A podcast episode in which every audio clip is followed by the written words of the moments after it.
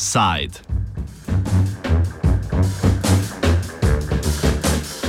Malezijski nevladniki proti vladi.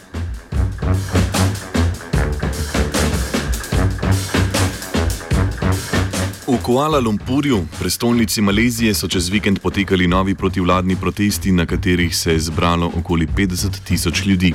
Protestniki so zahtevali odstop predsednika vlade Nadžiba Razaka, ki ga obtožujejo kraje denarja iz državnega investicijskega sklada OneMDB. Nadžib Razak je sicer član Združene malezijske narodne organizacije, nacionalistične stranke, ki je na oblasti že od malezijske neodvisnosti leta 1957.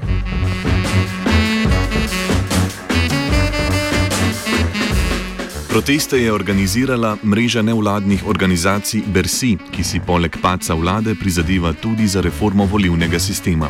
Dodaten povod za sobotne proteste so bile petkove aretacije več opozicijskih poslancev ter vodje gibanja Bersi Marije Čin Abdullah, ki ustaja v priporu. Sam protestni shod je bil prepovedan, zato je sledil oster odziv vlade in policije, ki je zaprla središče prestolnice. Razloge za protest in zahteve protestnikov pojasnjuje Bala Silija, ki je vodja evropske izpostave gibanja Bersi.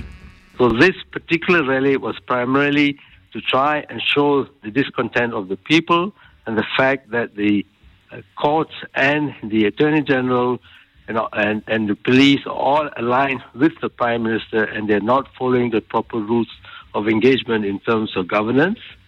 And this protest is essentially to ask the prime minister to resign or the case to be investigated independently. Uh, uh, and that was the main task, uh, uh, task of this particular campaign was to get the prime minister to resign or be accountable for the money that seems to have been siphoned off from this one Malaysia Development Fund, which is a sovereign fund that was set up by the government.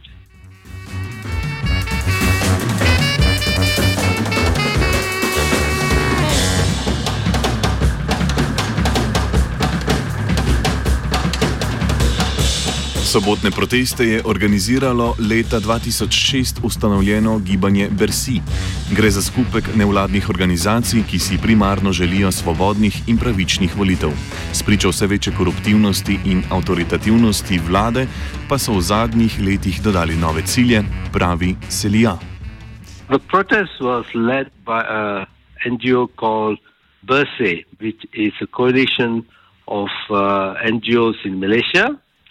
And they are they've been there since 19 uh, so 2010, and essentially they are campaigning for free and fair elections. It's our main objective. But since the last five years, the situation has deteriorated where corruption has also become a major issue in Malaysia, and also many of the government uh, institutions of government have eroded in the last five to ten years. And what has happened is the prime minister has uh, passed laws that makes it uh, that he's almost going into an authoritarian rule. So basically, the rule of law and uh, proper procedures in terms of freedom of uh, human rights, uh, human rights are not followed by the government. So this movement is actually a people's-driven movement, trying to highlight the issues that the people of Malaysia are facing and also putting in demands that they want the government to respond to. And one of the main demand, the five demands that they were marching for 2000 for this rally on Saturday was for clean elections, clean governments, strengthening the parliamentary democracy, the right to dissent, and also to empower two of our states, which are basically uh, very impoverished and uh, underdeveloped. So we want the government also to develop those two states. So essentially, it was a move, and, and this rally was the fifth rally that we've been having in the last 10 years. So there was one rally, Bersih 1, Bersih 2, Bersih 3, Bersih 4, and Bersih 5 was called primarily because all this erosion of uh, the institutions, and we don't have any checks and balances.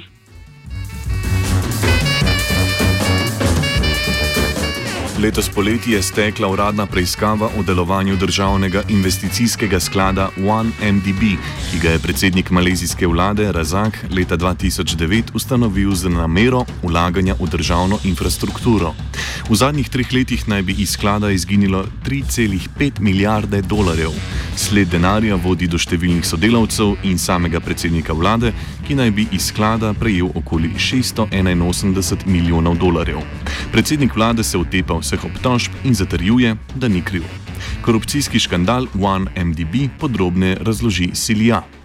So the prime minister has actually been responsible or been accused of uh, uh, moving funds out of one Malaysia Development Fund.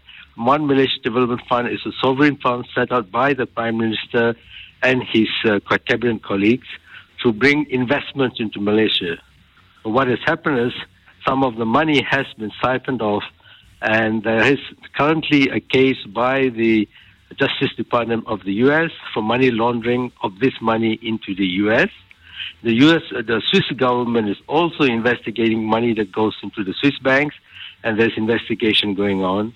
And the Prime Minister is refusing to accept any responsibility and claims he's innocent.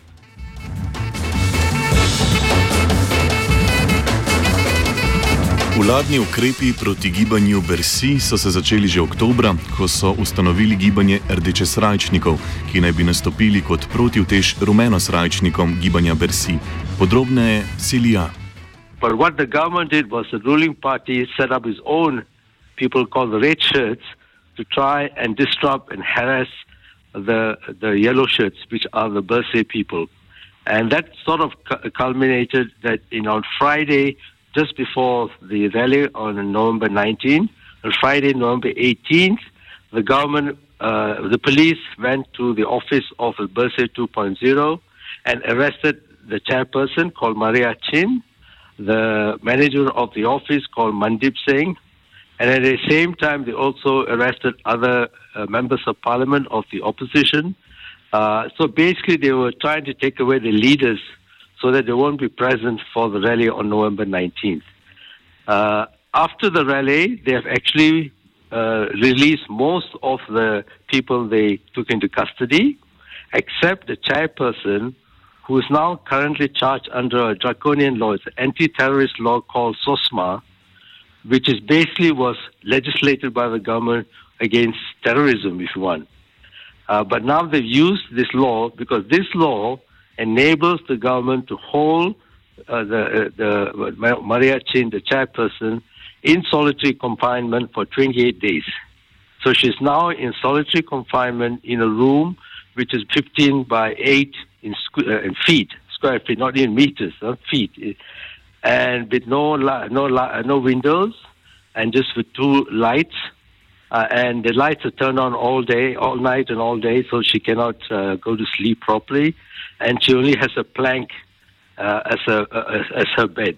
So they're essentially trying to cut off the head of this whole movement by making an example of the actions that they're taking against her with the intention probably of intimidating and frightening the other activists. So uh, Maria Chin is still in prison. She can be held for 28 days in solitary confinement. Uh, she has access to lawyers. So the lawyers are obviously now putting up a case to get release her on bail, uh, uh, which is prob- which they hope might be possible, but they won't know until another few days if the appeal for get her to uh, on bail would be uh, provided.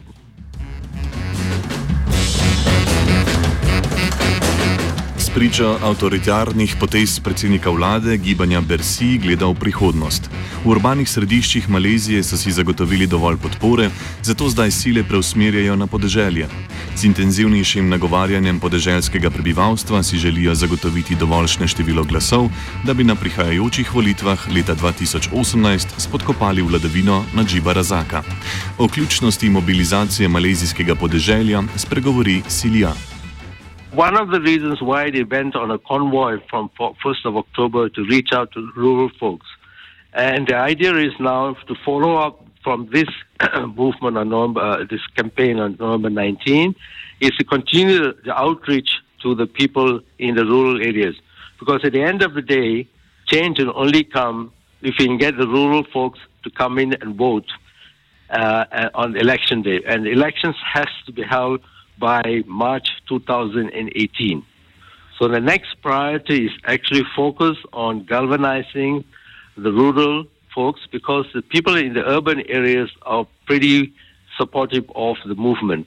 Uh, but the government has control of the rural areas, and typically when the elections comes, they go and give money to them and get them to vote for them. So money politics is very strong in the rural areas.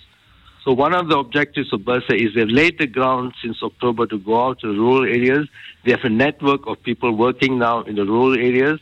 Is to continue that information and education of the rural folks and semi-rural folks, so that when election time comes, we have a good chance that these people will be able to make an informed decision before they they uh, they, they, put their uh, they go off to vote.